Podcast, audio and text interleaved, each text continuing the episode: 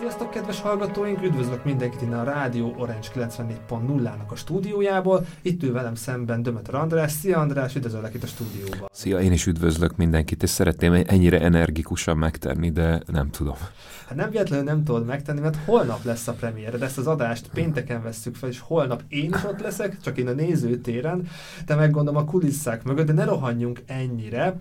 Január elején posztoltál egy képet, hogy elkezdődtek a próbák, de ez a próba azért tolódott. Milyen érzés volt végre ezt a próbát elkezdeni, és, és hogy talált meg téged ez a felkérés, ez a darab a Burteáterben? Annyira megszokta mindenki, így én is, a, valószínűleg minden területen, de hát a, most nyilván a színházról beszélünk, azt, hogy a koronavírus miatt minden csúszik, igazából ezek a folyamatos csúszások, ezek már szinte természetesek voltak. Tavaly lett volna ez a próba folyamat, tehát pont egy éve bemutattuk volna eredetileg, és el lett csúsztatva, és aztán az egyik színésznő koronavírusos lett, és emiatt a próbakezdést is el kellett halasztani, tehát újra még egyszer el kellett halasztani egy héttel, akkor egészen bizonytalan volt az indulás, tehát nem is, nem is tudtuk, hogy el tudjuk-e kezdeni, nem őt folyamatosan tesztelték, és akkor ennek függvényében mentek a telefonok naponta, hogy én Budapesten vártam, és hogy akkor jöjjek-e, és ha jövök, akkor másnap elkezdjük. Úgyhogy nagyon furcsa időpontban, mert általában hétfőn szoktak elkezdődni a próbafolyamatok, nyilván minden időt használnunk kellett, így pénteken tudtuk elkezdeni, tehát annak a hétnek, aminek a hétfőn kezdtük volna eredetileg, annak a hétnek a péntek jén kezdtük el a próbákat. Közben is volt egy eset, tehát hogy volt egy olyan időszak, amikor úgy próbáltunk, hogy egy másik színésznő hiányzott körülbelül egy újabb hetet. Hasonló okok miatt ezekhez hozzászoktunk, tehát mindenféle vészforgatókönyvek vannak, és amikor ez az egyhetes csúszás az elején kiderült, akkor világos volt, hogy a bemutatót, ami február 20 lett volna, azt is 26-ára toltuk, tehát holnapra, és amit az elején mondtam, egyszerűen csak az van, hogy ugye most itt reggel van, amikor ülünk, és még innen rohanok a próbára, és ezek az ilyen utolsó lépések, amikor az ember teljes idegrendszerével ráfókuszál arra, hogy a legjobbat hozza ki abból, amit addig összerakott, és soha nem készül el, de még az utolsó lépésekben még megpróbáljon valamit kihozni belőle. Ismertem a szerzőt, nem személyesen, nagyon sok szerzővel vagyok Németországban, és sőt, itt Ausztriában is személyes kapcsolatban. Őt nem ismertem, de volt már nálam darabja, tehát egy másik darabját ajánlotta már egyszer a Deutsches Theater. Valamiért akkor azzal nem dolgoztam. Egyébként itt Bécsben is ismert, mert pont a Burtheater játszotta az önéletrajzi de hát ez nem, nem színdarabnak íródott, egy önéletrajzi írás, amiből készült egy monodrám, ez a Die Welt ami egy nagy-nagy siker volt a Burgtheaterben, Joachim Meyerhoffal pár évvel ezelőtt. Az író ilyen értemben azért egy német nyelvterületen egy ismert írónak tekinthető, tehát így is, vagy ilyen módon is ismertem őt, és ezt a darabját, ezt, ezt igazából a Burtáter ajánlotta, de olyasmi volt a helyzet, hogy én ajánlottam valamit, illetve az volt az eredeti gondolat, hogy volt egy szövegfejlesztés, ez a Mephisto Land, amit a Gorki Színházban, Berlinben csináltunk, és ez nagyon tetszett itt több dramatúrnak, és valami hasonlóban gondolkodtunk. Az is a színházi világ és a, a, a politika összefonódásáról szólt, és végül is abban állapodtunk meg, hogy ez egy nagyon hasonló tematikájú darab, egy picit a nyelvezetében is hasonló, és, és hogy akkor ez egy jó választás lenne, akkor úgy tűnt még, hogy ez egy ausztriai ősbemutató is tud lenni, csak közben ugye a folyamatos csúsztatások miatt közben már máshol is bemutatták itt Ausztriában. Mennyire próbálsz aktuális maradni, mert tegnap volt az oroszoknak, megtámadták Ukrajnát, politikát is érint a darab. Volt már erre például, vagy most is, hogy próbáltok még akkor kicsit aktuálisabbá válni, hogy még jobban üssön a darab? Köszönöm a kérdést, mert uh, igazából, amíg beszéltem, és folyamatosan ez ment a fejemben, ez a fáradtság, amit az elején mondtam, ez abból is fakad, hogy egész éjszaka híreket olvastam, sőt, hát reggel is uh, híreket olvastam. Nyilván sokan vagyunk ezzel így, végtelenül lesújtó, ami történik. Ilyenkor az van, hogy az ember és ez furán hangzik, de, de, de hát nagyon nehéz ilyenkor próbálni. Egy-két napja ez már várható volt, hogy ez be fog következni, hogy ez a háború ténylegesen elindul. utána nyilván az ember valahogy nagy nehezen kikapcsolja, és akkor végig tolja a próbát, de aztán egyből visszazuhan ebbe a negatív állapotba. És most is ezzel járt a fejem egyébként, miközben válaszoltam, aztán valahogy túlpörögtem, és akkor így eltoltam magamtól, hogy, hogy igazából most nehéz bármi másról beszélni, tehát tervekről, nem azért, mert, mert azt gondolom, hogy bízom benne, hogy nem fog annyira radikálisan megváltozni a világunk, hogy megint minden szétesik, tehát nem egy újabb krízis felé sodródunk, de ez már egy krízis, amilyen dimenziói lesznek, azt most nem tudjuk. De ilyenkor nagyon nehéz nem azért tervezni, mert nem tudja az ember, hogy mi következik be, nem egyszerűen, mert, mert teljesen más lesz mindennek az aránya, meg a, meg a különböző fontossági faktorok átrendeződnek. És a kérdésedre válaszolva, nincs olyan, hogy az ember akkor elkezd vagy legalábbis ennél a darabnál, ami, ami azért úgy beszél a politika és a művészet összefonódásáról, hogy inkább a kultúrkamp felől közelíti meg, tehát hogy a jobboldali és a baloldali politikai diskurzusok hogyan próbálják felhasználni a művészetet a saját céljaikra, vagy, vagy, vagy éppen megtámadni. Tehát ilyen értelemben azért ennek így nincs köze, vagy nem, nem hozható összefüggésbe azzal, ami most történik. De nyilvánvaló, és ezen nem kell dolgoznunk sajnos, hogy annyira erőssé válik ilyenkor egy helyzet, hogy egy-egy mondat, vagy, vagy egy-egy helyzet, mint a, a darabban lévő helyzet, annyira más hangsúlyokat kap, hogy szükségszerűen arról beszél, ami éppen a világban történik. Meg belegondolva, mondjuk a két nappal készült volna ez a felvétel veled, nem is jött volna fel ez a kérdés, hogy mennyi minden változik, mennyi minden történik velünk. Mm. És hogy te most így benne vagy a finishben, összességben ez a próba folyamat mennyire volt intenzív, mennyire volt egyedi, mert azért nem feltétlen ennyire rövid idő alatt és ilyenfajta külső tényezők határozzák meg akár a Covid is, vagy egy betegség a, a próba folyamatot, hogy mennyire volt nehéz ez az elmúlt időszakod itt Bécsben. Nem volt nehéz. Ez a próba folyamat, amit kaptunk, ez, ez nem volt hosszú, ez kétségtelen, inkább átlagos volt, tehát a hosszával nem volt gondom, és csodálatos színészekkel dolgoztam együtt, senkit nem ismertem korábban. Nyilván, amikor az ember egy munkába belefog, akkor olyan értelemben megismeri a színészeit, hogy előadásokat néz, utánuk olvas, tájékozódik, kérdezősködik közös ismerősöktől, kollégáktól, rendezőktől, próbál felkészülni belőlük, de nem ismertem őket személyesen, nem dolgoztunk még, mert azért ott derül ki egymásról, hogy ki milyen egy, egy munkahelyzetben. És ö, csodálatos ö, hat kollégát ismertem meg, és egy teljesen ö, zöggenőmentes és euforikus próba folyamat volt. Eléggé bízom abban, hogy a, a végeredményen ez meglátszik, tehát nagyon szeretjük az egészet, mindenki az ügyének érzi. E, ilyen értelemben egyébként nem kell egy győzködnöm őket, tehát a, a darab önmaga eléggé jó, és, és nagyon sok mindenki egyből a csónakban volt már az első próbám. Nem kell őket begyűjteni, berángatni, hogy induljunk el, de ezzel együtt nagyon-nagyon sok inspirációt kaptam tőlük, és nagyon hálás vagyok nekik. Te győzködni szó megütötte a fülemet, tehát mondjuk korábbi daraboknál, korábbi próbáknál azért gyurmázni kellett, voltak akár építő jellegű konfliktusok is a színészeknél, itt meg nagyon egy vonalban mentetek? Mindenféle helyzet van, tehát természetesen vannak egészen szélsőséges konfliktusok ezek borzasztó összetett helyzetek, tehát ez, ez fakadhat mindenféléből. Tehát lehet az, hogy, hogy az ember attól van zavar, hogy ha, nyilván, hogyha most én kiemelek egy helyzetet, akkor annak a dimenziói óriásivel tudnak nőni egy ilyen helyzetben, hogy, hogy válaszolok erre a kérdésre. Tehát általában mondom ezt, hogy nyilván a színházban rendkívül sok különböző ember összejön, dolgozik, mindenki kiélezett idegállapotban van, hiszen konkrétan az idegrendszerét használja, azt adja oda a másiknak. Mindenkinek vannak tapasztalatai, mindenki akár sebeket hoz, előítéleteket, kétségeket, de ugyanúgy van, hogy valaki nagyon jó állapotban van, éppen valami nagyon eltalálja. Ezeket nem lehet tudni, tehát hogy egy színésznek egy szerep, éppen egy teli találat, éppen erre van szüksége, lehet, hogy azt gondolja az első pillanatban, hogy ez nem neki való, és, és nagyon hamar rájön, hogy pont ez az, ami egészen furcsa módon akár emberileg átsegíti őt mondjuk egy helyzeten, tehát hogy ott valami történik vele. Nagyon-nagyon összetett helyzetek vannak, és mindenféle történik.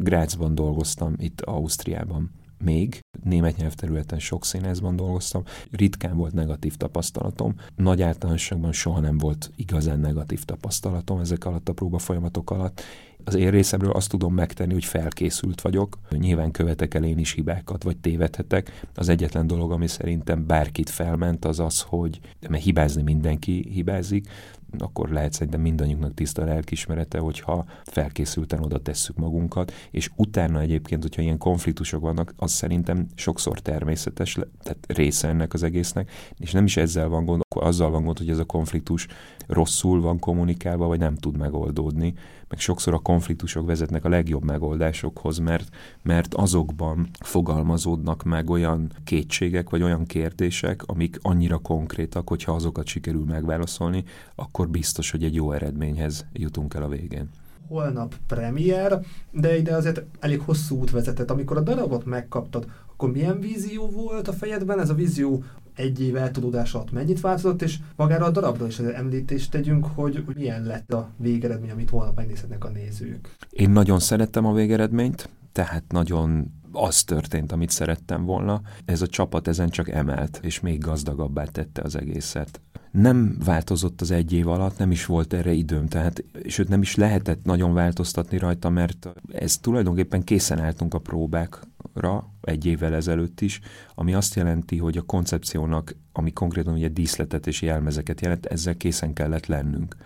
És az egy év alatt erre nem volt idő, értelmesem lett volna, hogy ezt, ezt átdolgozzuk, vagy, vagy valami más találjunk ki olyan változtatások történtek, ez is a koronavírus miatt ugye rendkívül erősek a színházi szabályozások, tehát például a burtáterben a mai napig minden nap tesztelni kell. Tehát én csak úgy tudok bemenni egy próbára, hogyha egy friss negatív PCR tesztem van. Ha nincsen, akkor nem mehetek be, tehát ez, ez előfordul, hogy nem érkezett meg, és elmaradt próba, vagy gyors tesztel tudtam belépni, és ez a mai napig így van, tehát ma is úgy tudok majd bemenni a próbára, hogy szerencsére már megvan a tesztem, de hogy ezek nyilván megszabták azt, hogy hogyan tudunk dolgozni, és a technikai feltételeket is, tehát hogy hányan lehetnek a térben, hogyan lehet mozogni, mekkora a technikai személyzet, és emiatt pár dolgot le kellett sajnos egyszerűsítenünk ami elsősorban díszletet érintette, ez nagyon mélyen nem hatott a koncepcióra, de azért kellett változtatnunk egy picit. A darab egy izgalmas és eléggé klassz alaphelyzettel indul, tehát egy kiállítás megnyitón vagyunk, ahol egy ünnepelt képzőművésznő, aki az akadémia tagja, létrehoz egy új műalkotást, és ez a műalkotás egy olyan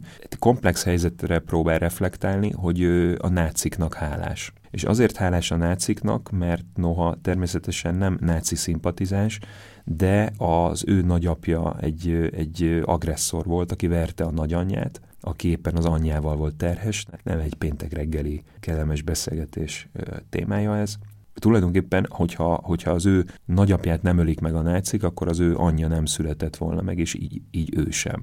Tehát egy olyan paradoxra épül az ő élete, hogy az, hogy ő életben van, az a náciknak köszönhető, és létrehoz egy műalkotást. Ennek a cím az, hogy Óda, és akkor azt mondja, hogy akkor nézzük meg, hogy mi történik. Hát egyrészt a szélső jobb elkezdi kisajátítani magának, illetve a, a baloldal nyilván hatalmas ellendemonstrációkba kezd, és itt indul a történet. Azzal foglalkozik végig, és látunk színházi próbákat, látunk színházi előadásokat, tehát a különböző területeken látjuk azt, hogy a politikai tartalmak, és aztán tovább megy, ami ma nagyon a levegőben van, a politikai korrektség, az ábrázolás, tehát a reprezentáció lehetőségei, ki játszhat kit, játszhat-e fehérbőrű színesbőrűt, játszhat-e színesbőrű fehérbőrűt. Ugye az, ami, az, ami most az amerikai filmipart is ez a, ez a diskurzus ugye teljesen áthatja, tehát hogy ki mit, hogyan ábrázolhat, mi ebben a felelőssége, meddig mehet el, ezt próbálja tematizálni, és az nagyon jó a darabban, tehát az az, amiért nagyon szeretem és szeretjük, mert ez az egész egy szatíra, tehát az e körüli mai őrületet és diskurzust majdnem végjátékkel formálja. Tehát egy groteszk, erős, nagyon-nagyon vicces, tehát ennek az abszurditását megmutató helyzeteket kreál, tehát nem egy, nem egy sötét világ van benne, és az intellektualizmus a darabnak humorral feloldott, úgyhogy én abban bízom, hogy ez egy elgondolkodtató és nagyon szórakoztató előadás lesz. A, díszlettervezővel, meg a zeneszerzővel, Matkó Tamással és Szigi Kolpéval már dolgoztál együtt. Ez már milyen csapat, ha így lehet mondani, mennyire volt jó újból együtt dolgozni? Mi egy abszolút egy csapat vagyunk, tehát annyi, annyira egy csapat vagyunk így hárman, hogy nagyon sokszor mikor hívnak engem rendezni, vagy egy olyan helyre megyek, ahova visszahívnak, akkor úgy kérdezik, hogy akkor és hát akkor velük, ugye? Tehát, hogy ugye, mert mindig a csapatot is kell mondanom, amikor szerződöm, hogy kikkel dolgoznék. Matkó Tamással egészen régi a munkaviszonyunk, tehát 2010-11-ben egy, pont egy ilyen december-januári próbafolyamat volt, tehát azért egyik évben indult, és a másikra csúszott, tehát akkor dolgoztunk először. Egyébként ő Berlinben él, ez egy, ez egy édes szükségszerűség, de nagyon, nagyon jó is az, hogy, hogy ott van a közelben, főleg Berlinben szoktunk együtt dolgozni, és a Ziggy Kolpéval pedig 2016 óta dolgozom, nagyon-nagyon sokszor, vagy legtöbbször vele német nyelvterületen nem az első premiered. Ha visszagondolsz az életed első premierére és a mostanira, van különbség? Mindegyiket ugyanúgy éled meg? Hogy látod így a premierek előtti mondjuk utolsó napokat? Nagyon köszönöm ezt a kérdést, mert igazából most egy olyan perspektívát dobtál be, ami, ami, ami jól esik elgondolkodni. Hirtelen nem tudok olyan választ adni, amit igazán szeretnék, mert, mert jó lenne ezt az egészet mélyebben átérezni. De hát nagyon nagy különbség van. Nyilván mindenkinek a saját területén megvannak ezek az összehasonlítási alapjai, hogy amikor először csinált valamit. Tehát ez 2006-ban volt, tehát 16 éve volt az első bemutatom így rendezőként, amikor már nem rendező szakos hallgatóként rendeztem a színművészetén. Nagyon-nagyon sok mindent tanultam azóta, ez egy közhely, de, de azért, azért van egy olyan rutinom most már, hogy akármi történik, nem tudok elsodródni. De 16 évvel ezelőtt arra emlékszem, hogy rengeteg kilót lefogyva, azt se tudtam, hogy hol vagyok a bemutató körül, de ezért szerencsére az jól sikerült. Sok sikert kívánok, és remélem minden rendben lesz a holnapi bemutatóval. De itt vagyunk még 2022 elején. Hogy néz ki az idei éved, amit láttam, hogy egy alkalmáték könyv az fog készülni, el tudsz még mesélni, tudsz nekünk még bármiről információt adni az idei évre való tekintettel? Az alkalmáték könyvről én sem tudok többet, tehát az most fejeződik be, meg most már a fotóválogatás megtörtént. Március elején kellett a kiadónak leadni az anyagokat, tehát ez biztosan lesz és finisel már, de hogy mikor jön ki, ezt nem tudom. Tavaly rendeztem egy operát, amit hát mi, nyilván most minden a koronavírushoz képest fogalmazható meg, akkor egyszer tudtuk játszani, abból lesz hat előadás, és mivel egy éve nem játszottuk, ez a Budapesti Operaházban van, ezért egy hosszú felújítási szakasz lesz előtte, tehát szinte újra kell próbálni. Tehát az, az vár rám. Megyek idén még Grácsba, visszamegyek, és megyek újra Münchenbe, tehát ez a két külföldi rendezésem lesz még, és van egy dolog, amit igazából én találtam ki, kerestek engem ők már korábban, és felvettem velük a kapcsolatot, hogy most lenne egy ötletem, a Budapesti Őszi Fesztivál keretében csinálnék valamit, ami egy szívügy és egy magánügy. Most lesz idén 80 éves Nádas Péter, akiről azt gondolom nem csak Magyarország és a magyar irodalom, de és nyilván nem vagyok ezzel a véleménnyel egyedül, de a világirodalomnak is az egyik legjelentősebb alkotója. Várható, hogy, hogy maga a magyar állam nem fogja őt ünnepelni, vagy nem nagyon fog foglalkozni azzal, hogy ez a rendkívül jelentős állampolgára 80 éves lett, viszont én azt gondoltam, és sikerült társakat gyűjteni, Egyébként hát nagyon-nagyon sokan rámozdultak az ötletre egyből, tehát nem, nem kellett nagyon halászni hogy az ember megtalálja ezeket az alkotó társakat, hogy legyen a, az őszi fesztiválnak egy ilyen jelleg, hogy több dolog lesz, tehát felolvasások, beszélgetések, előadások, amik tematizálják az életművét, és legalább ilyen keretek között méltó módon ünneplik meg az ő születésnapját. Egyrészt íróként meghatározza a gondolkodásomat, nagyon-nagyon fontos, mint szerző. Pont ez, amiben egyébként Matkó Tamás részt vett 2010-11-ben, ez az ő darabja volt a Szirénének, a Katona József Színházban mutattunk be, és akkor találkozhattam vele személyesen, és megismertük egymást, és azóta van közöttünk egy olyan viszony, ami e-mail váltásokról szól, és az a, az érdekes helyzet van, hogy én Zalaegerszegen születtem, és ugye ő Zalaegerszeg mellett élt, tehát ő oda vonult vissza. Budapesten született, és aztán először Kisorosziba költözött ki, majd, majd Zala megyébe költözött. Ez egy teljesen tudatos kivonulás volt Budapestről, és ő ott él a feleségével, amikor Zalaegerszeg vagyok, akkor néha, ott is ritkán vagyok, azok az alkalmak, amikor Zalaegerszeg vagyok, azok nem minden alkalommal, eleve az is kevés, és ehhez képest még kevesebb, de azért évente egyszer körülbelül meglátogatom őt, vagy van, hogy Budapesten találkozunk és beszélgetünk, és van egy ilyen személyes kapcsolatunk is. Kíváncsian várom a holnapi premiért, én is ott fogok ülni, és sok sikert kívánok a Gráci projekthez. Ha időbe belefér, vagy Bécsbe jársz, várlak ugyanúgy szeretettel itt a stúdióba, vagy akár online is csinálhatunk arról a bemutatóról majd egy adást. Nádas Péternek innen is jó egészséget kívánok, és nagyon jó, nagyon jó, hogy ősszel majd lesz neki ilyen szekciói a fesztiválnak. Jó ötlet, és sok sikert kívánok ehhez a munkához is. Vigyázz magadra, jó egészséget, és hajrá, hajrá, hajrá holnap a bemutatóhoz. Köszönöm, és, és akkor most már nem is azt mondjuk csak, hogy jó egészséget, hanem azt, hogy maradjon béke, ahol lehet, és ott, ahol pedig nincsen, ott érjen ez az értelmetlen háború minél előbb véget. Egyetértek, köszönöm szépen ezt a végszót. Köszönöm szépen, hogy velünk tartottatok, találkozzunk holnap is, vigyázzatok magatok, sziasztok!